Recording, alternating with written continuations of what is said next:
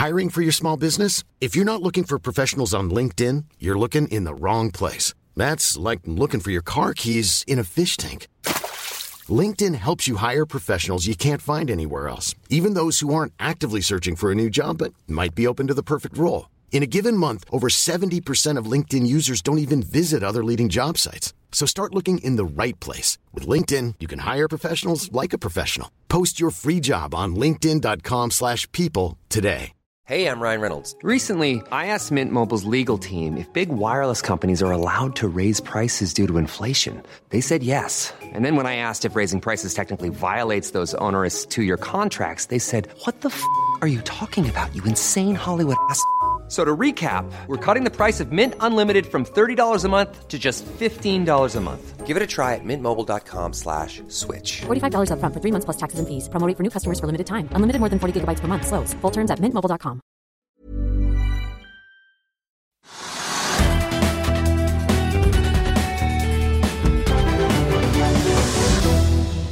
Velkommen til Økonominyhetene torsdag 17. mars, der hovedindeksen nå er opp andre dag på rad med en oppgang på en halv prosent i et eh, europeisk aksjemarked som er litt blandet i dag. Til tross for at vi hadde nok en dag med kraftig børsoppgang i eh, Asia. Oljeprisen er igjen opp eh, og ligger nå ja, pluss nesten 7 for et fat nordsjøolje i spotmarkedet, som eh, prises til 104 dollar og 60 cent, godt over det litt magiske hundretallet. Det samme ligger den amerikanske lettoljen, som nå handles til 101 dollar og 30 cent i spotmarkedet. Den eh, oppturen i eh, oljeprisen bidrar til at flere oljeaksjer i dag stiger på Oslo Børs. Equinor er opp 2,7% Aker BP 3,4 og Vår Energi ligger opp eh, nesten 4% en annen aksje som stiger kraftig i dag, er mobilselskapet Ice, opp 19% og Vi får jo nesten da bare minne om den advarselen både vi og kollega Trygve Egnar har kommet med her på luften. Den er opp da 19% til litt over 1 krone i dag. Men i teorien er jo ikke den aksjen verdt mer enn snaue 50 øre, hvis du regner med hva aksjonærene faktisk sitter igjen med når eh, teleselskapet Lyse altså kjøper hele mobilvirksomheten til Ice og gjelden er gjort opp. Vi skal se nærmere på DNBs oppkjøp av S-banken i dag, og vi får også teknisk analyse av DNB-aksjen. Og vi får også besøk av Handelsbankens sjeføkonom for å snakke om rentemøter og mye mer. Men først, la oss ta en titt på noen av de andre nyhetene som preger markedet i dag. Energikrisen den fortsetter å slå ut. I dag kom meldingen fra fergerederiet Fjordline om at de innfører et midlertidig drivstofftillegg fra i morgen av, altså på fredag. Rederiet sier at de har opplevd en drastisk økning i prisene som de må betale, og det vil de nå altså delvis kompensere for, skriver de i en eh, melding. Og så legger de til at de håper at tiltaket er midlertidig. Flyselskapet Norwegian faller 3,9 i dag. Et eh, fond forvaltet av DNB har solgt nesten 1 million aksjer i flyselskapet, og med det passert under flaggegrensen på 5 og når vi først er inne på luftfart, så får vi ta med at eh, det fortsatt er krevende for de fleste aktørene. Danske Shaken melder i dag at SAS har langtidsparkert tre av sine Airbus A350, som altså er deres nyeste og største langdistansefly. SAS har seks slike fly i flåten og ytterligere to i bestilling for en totalflåte på åtte som kommer i tillegg til de noe mindre A330-flyene. SAS eh, opplyser til nettstedet at de har innledet forhandlinger med samtlige leasingselskaper for flyene, men at ingen beslutning er truffet ennå om fremtiden til disse store milliardmaskinene. SAS-aksjen er opp 0,15% på Oslo Børs eh, i dag. Sjømataksjer eh, sliter litt. I ettermiddag ser vi at både Movi er ned 2,4% SalMar en snau prosent. Grieg og Bakkafrost ned rundt 2 begge to, og Lerøy faller en drøy prosent. Og Det har jo vært litt action i laksebransjen i dag. Plutselig kom det en melding i morges som kunne ende i en litt kinkig situasjon for laksekonge Gustav Witzøe. For Norway Royal Salmon, altså NRS, kom nemlig med et varsel om at de vil kjøre en emisjon for å hente to milliarder kroner for å kjøpe Salmonor. Stikk i strid med Gustav Witzøe og SalMars vilkår for å kjøpe NRS sin eier, NTS. Så vi kan jo se litt på noe av det som da har skjedd i det siste. NRS melder da om at de vil kjøre denne emisjonen for å kjøpe Salmonor. Og dette er jo da en, eh, En transaksjon som egentlig ble arbeidet lenge før SalMar kom inn på, på, banen her. Begge disse selskapene kontrolleres av oppdrettsselskapet NTS. Der har det jo også da vært en kamp om eierkontrollen. Så var det jo sånn at da Movi kom inn med et bud på NTS, men de trakk seg etter at SalMar kom inn, og de har jo da eh, kommet med et bud som tilsvarer en verdsettelse på NTS på da totalt 15,1 milliarder kroner. Gustav Witzøe sier at han imidlertid ikke vil kaste inn håndkle av eh, denne grunn. Først i dag sa han til E24 at han ikke var klar over emisjonsnyheten eh, før den kom. Han sier til Finansavisen litt senere i dag at SalMar opprettholder budet sitt på NTS, som har fått oppslutning fra hoveddelen av aksjonærmassen. Og så har jo da NRS eh, kommet med en uttalelse i sin eh, børsmelding der de sier sitat at selv om styret registrerer at det har vært en utvikling i eierskapssituasjonen i selskapets største aksjonær NTS, er eh, styret i NRS av det faste syn at det må overholde inngåtte avtaler og ivareta sin forpliktelse til å gjøre vurderinger og treffe beslutninger som er til det beste for alle aksjonærer. Da skal vi til finansnæringen, for i går ettermiddag kom altså meldingen som kanskje overrasket flere, om at DNB får kjøpe S-banken likevel. I en prosess som snart har pågått i et år, så har jo da eh, mange gått og ventet på eh, om hva, altså hva denne myndighetsprosessen egentlig skulle ende ut i. Og i dag har jo da nyheten eh, gjort at S-banken-aksjen har blitt sendt opp og er nå nesten opp 17% mens DNB ligger ned 0,15 men hva skal du som aksjonær foreta deg nå? Vi tar en litt nærmere titt på det og sakskomplekset. Onsdag kveld ble det altså klart. Konkurranseklagenemnden gir DNB medhold og opphever Konkurransetilsynets vedtak om å stanse oppkjøpet av S-banken, tidligere kjent som Skandiabanken. Dermed kan DNB-sjef Kjerstin Bråten gjennomføre oppkjøpet på totalt 11,2 milliarder kroner. Men hva betyr dette for deg som S-banken-aksjonær? La oss eh, spole tilbake til 15. april i fjor. Da annonserer DNB tilbudet sitt på 103 kroner 85 øre. Den gang en premie på nesten 30% Da startet også prosessen med å få nok aksjonærer og myndighetene til å si ja. Budet ble etter hvert økt til 104 kroner og 45 øre, men den 16. november kom nyheten om at Konkurransetilsynet sa nei, og aksjekursen suste ned i 91 kroner og 80 øre. Enten så har du allerede akseptert DNBs tilbud på 104,45 og 2% rente og kan lene deg tilbake. Eller så har du vært så heldig å treffe på veddemålet ved å kjøpe aksjen etter dette kursfallet i november. Da har du i dag sikret deg en ganske pen gevinst. Det du kan gjøre, er å forsøke å selge aksjen over budet på 104,45 pluss renter. Det kommer opp i totalt 105 kroner og 20 omtrent. Hvis du ikke klarer dette, så er det også bare å lene seg tilbake, for DNB har allerede sikret seg litt over 91% av aksjene, og de siste har de tenkt å tvangsinnløse til samme kurs som resten. Oppgjøret av tilbudet skal etter planen skje senest 30.3, og de siste aksjene vil altså bli tvangsinnløst etter dette. Vi skal straks ta inn dagens gjest, men først gir kollega Sindre Nikolai Akerås de viktigste endringene i kursmål og anbefalinger som meglerhusene har kommet med siden i går. En av de er Agelix, som stiger hele 12,5 i dag til 33 kroner og 40 øre. Carnegie-analytiker Fabian Jørgensen hever kursmålet på Agelix fra 53 til 59 kroner og beholder kjøpsanbefalingen. Analytikeren mener dermed at en dobling i plastgjenvinningsselskapet ikke er usannsynlig. Det samme meglerhuset tok Agerux på børs da grønne aksjer og SG tok helt av høsten 2020, men siden har det stilnet i aksjen. Nå har selskapet presentert fremskritt i teknologien og ser håp om at inntektene kommer tidligere enn fryktet. Analytikeren mener fremskrittene vil sende aksjekursen høyere. Ole Martin Westgård i DNB Markets er ute med en ny kjøpsanbefaling på XXL. Likevel kutter han kursmålet fra 17 til 15 kroner. Westgård skriver at en mild vinter gir et kjølig første kvartal, og han ser en svakere salgstrend som følge av den milde vinteren. Analytikeren tror likevel aksjen kan stige 25% og understreker at første kvartal er et lite kvartal sammenlignet med resten av året for sportskjeden. Mats Liss, analytiker i Kepler Chevreux, er også ute med analyse i dag og senker kursmålet på Kongsberg Automotive etter selskapets kvartalsrapport tirsdag. Selskapet halverte driftsresultatet sammenlignet med fjoråret, men leverte likevel som guidet. Nå planlegger KOA å selge to avdelinger i selskapet. Mats Liss kommenterer i sin analyse at dette er godt timet og vil redusere gjelden, samtidig som selskapet kan fokusere på den lønnsomme delen av driften. Han senker kursmålet fra 3,25 kroner per aksje til 3 kroner, og ser med det nær 20% oppside fra dagens kurs. Sist ut er Carnegie-analytiker Eirik Rafdal, som øker kursmålet på Adevinta fra 139 til 145 kroner, og gjentar kjøpsanbefalingen. Selskapets oppkjøp av eBays rubrikkvirksomhet i Storbritannia er en trigger på kursmålet. I et intervju med Økonominyhetene sa han at monopolsituasjonen er verdt veldig mye på sikt, og analytikeren ser nå nær 50% oppside i tech-giganten. Før vi går videre i sendingen, husk at du også kan se sendingene våre ved å gå inn på fano-tv, og at vi også har andre podkaster enn bare Økonominyhetene, som Morgenkaffen, Gründerpodkasten Veien hit, Ukens vintips, Kunstpraten og bilpodkasten Mil etter mil. De finner du ved å søke Finansavisen, der du hører på podkast.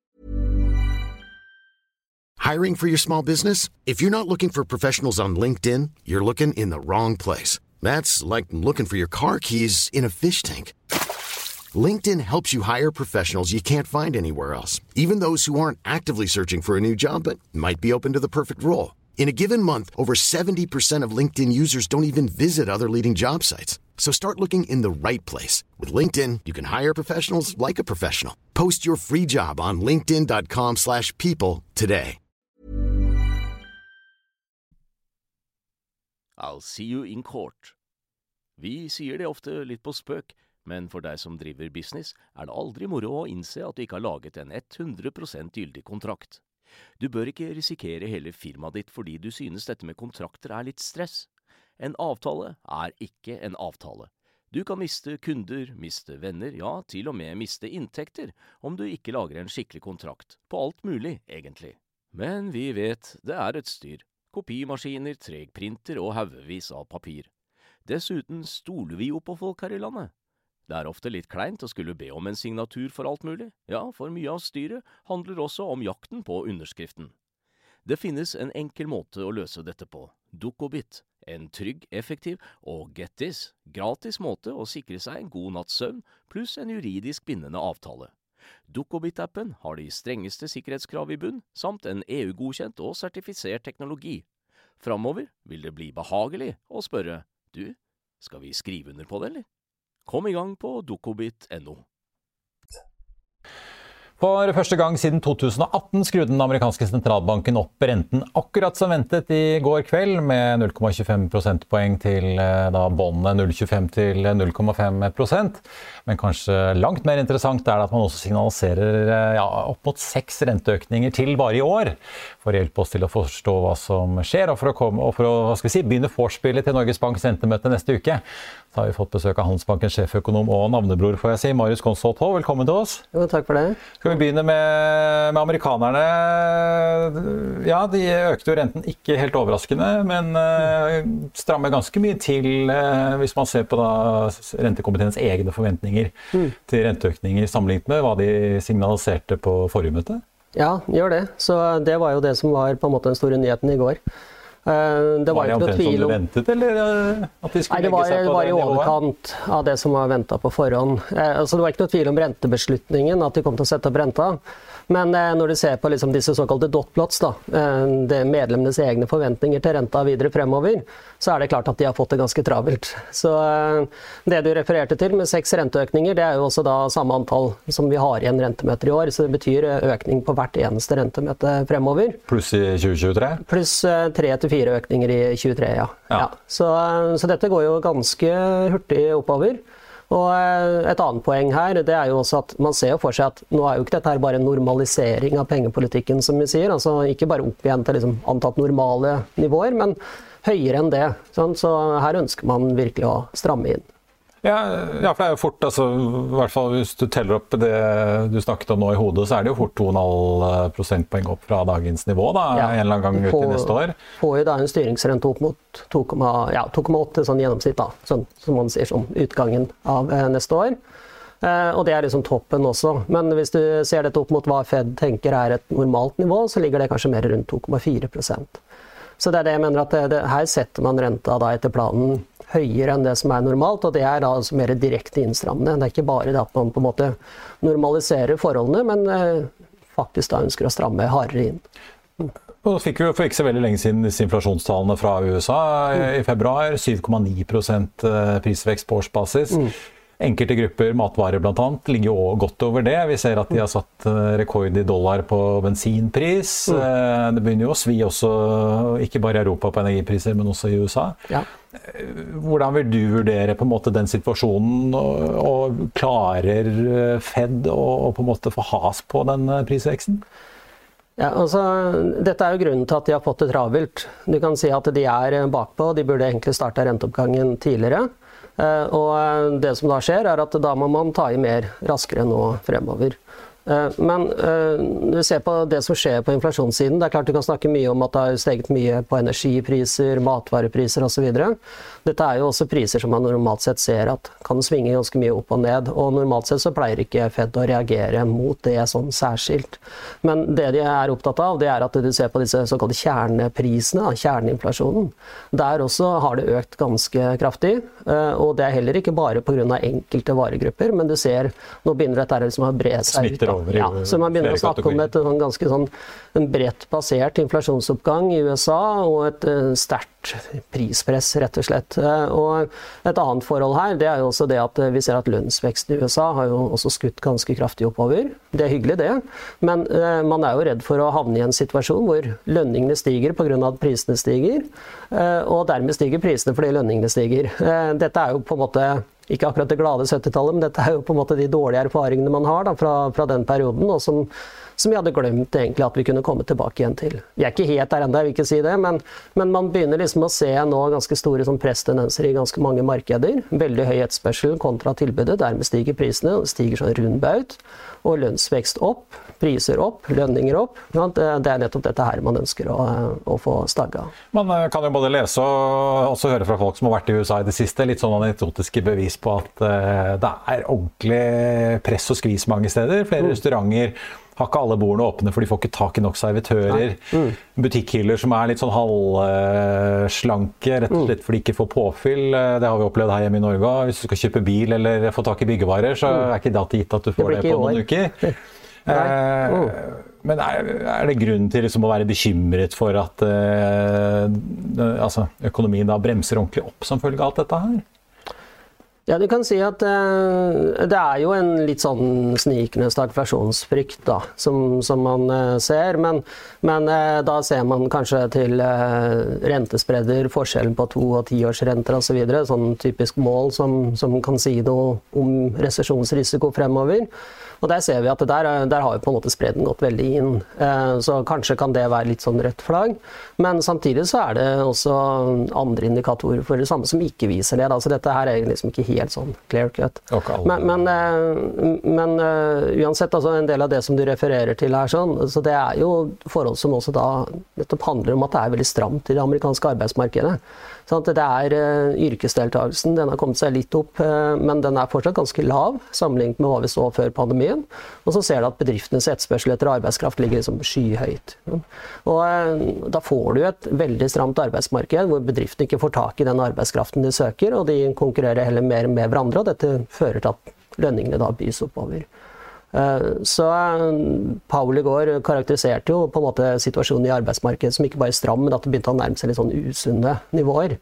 Så, så, det er jo nettopp et poeng for Fed å forsøke å få renta opp. Ta av noe av dette presset som har bygd seg opp mye mer enn det de trodde eh, skulle gjøre. Og det er jo de har undervurdert, inflasjonspresset som har oppstått i kjølvannet av pandemien, og så har de da fått krigen i Europa på toppen av dette her, som, som da forsterker faktisk en del av disse inflasjonsimpulsene. Så det er mange ting på en gang nå. Det er sånn stramt arbeidsmarked, stramt i en rekke, rekke markeder, holdt på å si, altså med, med, høye energipriser, høye matvarepriser, fraktrater osv. Så, videre. Eh, så det er på tide å liksom prøve å få tatt av det verste presset. Da. Ja, de er, de er, jo ikke alene. I dag kommer jo den britiske sentralbanken eh, også med et eh, ventet, en ventet renteøkning på mm. 0,25 prosentpoeng. Mm. Så det, det, skjer på andre siden av Atlanteren? Ja, til tredje på rad. Så eh, det er klart De overraska markedet før jul med å heve renta, og så har de fulgt på med enda en økning, og den siste kom i dag eh, nå. Um, vil jo samtidig si det at det, der har jo markedets renteforventninger framover gått ganske mye opp. Og vi ser jo det samtidig i dag, da, at de forsøker å dempe de forventningene litt. Grann. Og det er jo da særlig på bakgrunn av krigen i Europa og at man er redd for at det skal bidra til svakere vekst framover også. Men, men, alt dette viser at vi har havnet i en situasjon hvor inflasjonspresset har blitt sterkere enn det sentralbanken hadde tenkt i utgangspunktet. Og så er det en vanskelig avveining sånn i utgangspunktet nå, da, med svakere, mer usikre vekstutsikter som følge av det som skjer i Europa, men samtidig da veldig høy inflasjon. Så ser vi at liksom hensynet til inflasjon det, det teller eh, kanskje litt sterkere enkelte steder, særlig i USA. Kanskje ikke så mye i Storbritannia som man trodde på forhånd, men, men likevel. Det er liksom disse avveiningene da, som sentralbankene står oppi nå. Jeg så McQuingle var ute og ventet at inflasjonen skulle nå toppen i april på 7,25 og Boris Johnson ja. har vært i Gulfen for å spørre om de kan sende mer olje. Ja, ja. og så er det noen sånne strømprisjusteringer også antagelig som ligger bak det estimatet der. Så nei, men det er klart altså, Man kommer opp på, på veldig høye nivåer. USA er der allerede. Eh, disse kommer etter. Og vi har jo også sett da, sterke utslag her hjemme også. Ja, ja La oss uh, mot slutten her, ta det litt uh, hjem. Vi har jo en, en svært oppegående vikar i mm. Norges Bank om dagen. Ida Wolden Bakke har jo tatt over etter at Øystein Olsen gikk av med pensjon. Ja. Før Jens Stoltenberg kommer senere i høst. hun skal jo avholde sitt første rentemøte som fungerende sentralbanksjef da neste torsdag. Mm. I en tid med også ganske høy prisvekst her hjemme, et krevende lønnsoppgjør, det diskuteres om vi skal få ikke bare strømstøtten, men også kanskje bensinstøtte pga. de høye prisene? Ja, og rentestøtte, hørte jeg i dag. Ja, kanskje det. Det hadde vært veldig hyggelig. Ja, jeg har mine tvil, men vi får ja, se. Men hva slags posisjon er hun egentlig nå? Nei, altså, klart, altså Hun går jo profesjonelt inn i oppgaven, ingen tvil om det. Så, så vi tenker på dette som et ordinært rentemøte, selv om, selv om hun er liksom fungerende eh, fram til Stoltenberg tar over. Eh, men når det gjelder da Norges Bank nå, så er det klart at eh, selv om de har starta renteoppgangen tidligere enn det vi har sett ute, og sånn sett gjort det riktig, så, så er også de på etterskudd eh, i forhold til hvor høy renta egentlig bør være fremover. Ja, For den er på en halv prosent nå. Kan vi, ja, så, da kan vi regne med at det er 0,75 neste torsdag? Det er nok ganske bankers at det blir renteøkning neste torsdag. Og så er det jo spørsmål hvor mye oppjusterer de rentebanen. Sånn. Og eh, Så langt så har Norges Bank sagt tre renteøkninger i år, det tror jeg er for lite. Så eh, jeg tenker den nye banen da fullt ut viser fire renteøkninger. Og så er det spørsmål om hvor høyt kommer vi opp i 2023. Det blir jo egentlig det kanskje mer spennende her. sånn. Og De går ikke i Norges Bank og venter på at eh, Stoltenberg skal begynne jobben. De, den rentebanen kan bli økt helt uavhengig av det? Ja, da, ja det er det vi ser. dette er et ordinært rentemøte. Med et viktig rentemøte i Norges Bank nå. Eh, nå har vi en situasjon hvor eh, vi ser for det første at arbeidsledigheten er mye lavere enn det Norges Bank har tenkt. Så Rapporten fra regionalt nettverk nå bar jo preg av at det her er det mangel på arbeidskraft i på å si, så å si alle næringer. Mangler til og med økonomer om dagen, så det begynner å bli knepent. Ja, jeg, jeg vet at dere akkurat ja. ansatt en til i avdelingen, men ja, eh, men ja så ja, det, er, det, er, det, er, press i økonomien. Sant? Det er det som skinner igjennom tydelig i den rapporten. Dette betyr at eh, lønningene bys oppover. og For bedriftene nå så ser de at kostnadene øker nå pga. høy importert prisvekst. Ref det vi akkurat snakka om. Og så eh, bys lønningene oppover, fordi at eh, lønnsmottakerne vil jo også ha kompensert for at prisveksten er høy, øker kostnadene ytterligere i bedriftene, og så sier de at da kommer de til å øke prisene raskere fremover. Så igjen, man skal være litt sånn forsiktig med å sånn, dra inn 70-tallet og lønns- og prisspiral, men det er nettopp det at vi ser litt av disse tendensene her nå. Og det er helt klart at uh, inflasjonspresset i norsk økonomi er en god del sterkere enn det Norges Bank hadde tenkt. Så, men, ja. Ja, hva, men apropos det, da hva med konkurranseevnen vår? Er det sånn at uh, relativt sett så ligger vi likt an uh, i forhold til konkurrentland, eller? Tenker på lønnssiden? Nei, jeg tenker på da, de økte kostnadene som norske bedrifter uh, nå blir utsatt for, da, med ja. lønnsøkning, økt priser på innsatsfaktor, mm. økt pris på energi. Ja, men det er det samme vi ser internasjonalt, ikke sant? Ja, men er, det, så, er den økningen vi får her hjemme omtrent på nivå med utlandet? Eller? Det skal jeg ikke si altfor sikkert. Altså, det kommer litt an på kronekursen også. Så, så, så jeg skal litt forsiktig med det. Men jeg ser at sånn lønnsforventningene for, eh, for våre handelspartnere ligger rundt 3,5% Og jeg tror vi fort kan se at lønnsveksten i Norge ender litt høyere enn det. Så, men, men, jeg tror at det først og fremst illustrerer eh, den situasjonen vi har havnet i i kjølvannet av pandemien, og nå også da krigen i Europa. Så, så er det et eh, pågående veldig sterkt inflasjonspress. Og for å snakke liksom sånn helt konkret, da, så, så er jo dette et uttrykk for at etterspørselen nå er for høy i forhold til produksjonskapasiteten, og da stiger prisene. Og eh, du får ikke gjort så mye automatisk med produksjonskapasiteten verken her hjemme eller eh, globalt, og det betyr at du heller må bremse etterspørselen. Alternativet er at prisene bare fortsetter å, å, å fyke oppover. Hvor mye vil Nå har vi jo strømstøtten, som jo har tatt prisveksten en god del, i hvert fall da vi så på tallene fra teknisk beregningsutvalg som, som kom. Mm. Men altså får vi la, vi si, la, oss si vi får en bensinstøtte også, da, hvor, mm.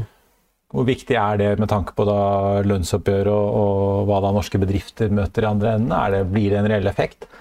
En del sånne målrettede tiltak som strømstøtten som du snakker om, det, det, kan jo ha en effekt at det demper litt på lønnskravene. Eh, men når vi ser summen av det som politikerne foreslår nå, og det spiller ikke noen rolle om du kommer fra høyre eller venstre side, altså det er jo eh, bare å åpne lommeboka, så skal man løse disse problemene her. Og da er vi tilbake igjen til det at eh, det er ubalanse mellom tilbud og etterspørsel. Punktum. Og, eh, og, hvis du da skal prøve å kaste flere penger inn i etterspørselssiden i en sånn situasjon, så får du bare enda sterkere prisvekst. Og det vil ikke Norges Bank bare sitte rolig og se på. Det betyr at da kommer også rentene til å fortsette å stige raskere fremover. Så det er ikke noen sånn enkel løsning på dette her sånn nå, eh, som man kan betale seg ut av. Det kan heller bare sørge for at problemene blir faktisk verre enn det vi ser nå. Eh, nå kom det en melding fra Finansdepartementet i forbindelse med at eh, regjeringen da startet budsjettkonferansen sin eh, her for et par dager siden. Mm. Eh, hvor de sier at uh, man er liksom bekymret for en overoppheting i norsk økonomi. At det kan føre til at Norges Bank må heve rentene mer enn uh, ventet. Det er ikke liksom hver dag vi leser at uh, Finansdepartementet kommenterer også om Norges Bank kan finne på. Nei. Men hvilken floke er det de sitter i der borte i departementet til Trygve Slagsvold Vedum nå som de skal prøve å tegne opp et budsjett for 2023? Nei, altså jeg tror som sagt at Finansdepartementet er veldig tydelig på at uh, man må holde igjen på oljepengebruken. Uh, og, uh, og, så jeg, jeg, tror jo at når det kommer til stykket, så besinner man seg. Men det er klart at det, det er et voldsomt press nå for å gi støtteordninger, og i ganske, ganske vid forstand. da. Jeg hørte Politisk kvarter i dag, så, så var det snakk om liksom generelle skattekutt. Bare sånn flatt. Eh, og da er det tilbake igjen til det jeg nevnte i stad, at det pøser man mer penger nå inn i en økonomi hvor vi ser nå at det er allerede store kapasitetsbegrensninger. Eh, altså Disse indikatorene som vi har på det fra regionalt nettverk, de er på de høyeste nivåene som vi har sett siden 2007. Og det var jo en ekstraordinær situasjon. i norsk. Ja. Mm. Og det er klart at Hvis du skal liksom legge mer penger på toppen på etterspørselssiden der, så risikerer du stadig høyere inflasjon. Og dermed også høyere renter. Så, så, jeg tenker at eh, sånn, Med tanke på rentemøtet i Norges Bank neste uke nå, det, det blir renteøkning, og det blir en raskere renteøkning. Eh, videre renteopptrapping, da. Klart eh, raskere enn det som de så for seg tilbake i desember. Ja. Ja. Mm. Det blir ikke flere terrassebord på trevarebutikken selv om skattene kuttes, eller i hvert fall på kort sikt? Det er nettopp det. Ja. ja. Men dyrt blir det. Ja, det, ja, det tror jeg mange har merket. Marius Gåsvold Hove Hansbakken, takk for at du kom til oss. Så tar vi med på tampen en liten melding fra overgangsmarkedet. Kredinor henter Jakob Bronebakk som ny finansdirektør. Han kommer fra jobben som IR-ansvarlig i Kongsberg Automotive. Vi får gratulere med ny jobb. Og så får vi også ta med siste nytt fra børsen. Det har kommet en melding fra Panoro Energy om at Kistefos, altså investeringsselskapet til Kristin Sveaas, har forlenget terminavtaler på aksjer i selskapet, som tilsvarer 10,07% og Det er altså den totale eksponeringen til Kistefos. Den aksjen er opp 3,1 i dag. SAS er ned 0,3% De har også parkert tre langdistansemaskiner. Norwegian ned 3,3% Og så får vi jo ta med den eh, store svingningen eh, i finansnæringen i dag. S-banken er opp eh, nesten 17% til 104,40 altså fem øre under tilbudsprisen til DNB. Nå som det er klart at DNB altså får kjøpe konkurrenten likevel. DNB er ned 0,6 i dag. På listen over de mest omsatte aksjene så ligger Equinor på topp med 2,6 opp. S-banken ligger på nummer to, ettersom DNB da faktisk har gjennomført kjøpet av de første 10% av aksjene i eh, selskapet. Deretter kommer DNB, og så Aker BP følger etter med en oppgang på snaue 4% og Hydro ligger rett etter med 1,9 før vi slutter av, så vil jeg bare minne om at i Finansavisen i morgen så kan du lese Trygve Egnars leder om at en russisk konkurs ikke er en konkurs. Du kan lese om ansettelsesboom i revisjonsbransjen, om hvordan det ventes et løft for logistikk i eiendom, og om en blakk oligark som må be om lommepenger. Da var vi ved slutten av eh, denne sendingen. I morgen er det fredag, så da er vi på luften igjen klokken 13.30. I mellomtiden får du som alltid siste nytt på fa.no. Mitt navn er eh, Marius Lorentzen. Takk for at du så på, og så håper jeg vi ses.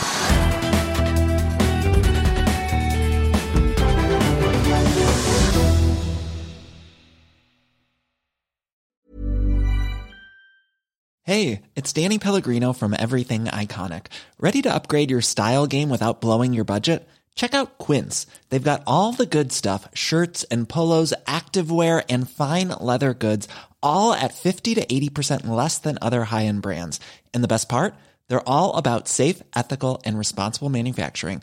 Get that luxury vibe without the luxury price tag. Hit up quince.com slash upgrade for free shipping and 365 day returns on your next order. That's quince.com slash upgrade. When you need mealtime inspiration, it's worth shopping Kroger, where you'll find over 30,000 mouthwatering choices that excite your inner foodie. And no matter what tasty choice you make, you'll enjoy our everyday low prices, plus extra ways to save, like digital coupons worth over $600 each week. You can also save up to $1 off per gallon at the pump with fuel points. More savings and more inspiring flavors make shopping Kroger worth it every time. Kroger, fresh for everyone. Fuel restrictions apply. Økonominyhetene er en podkast fra Finansavisen. Programledere er Marius Lorentzen, Stein Ove Haugen og Benedikte Storm Bamvik. Produsenter er Lars Brenden Skram og Bashar Johar. Og ansvarlig redaktør er Trygve Hegnar.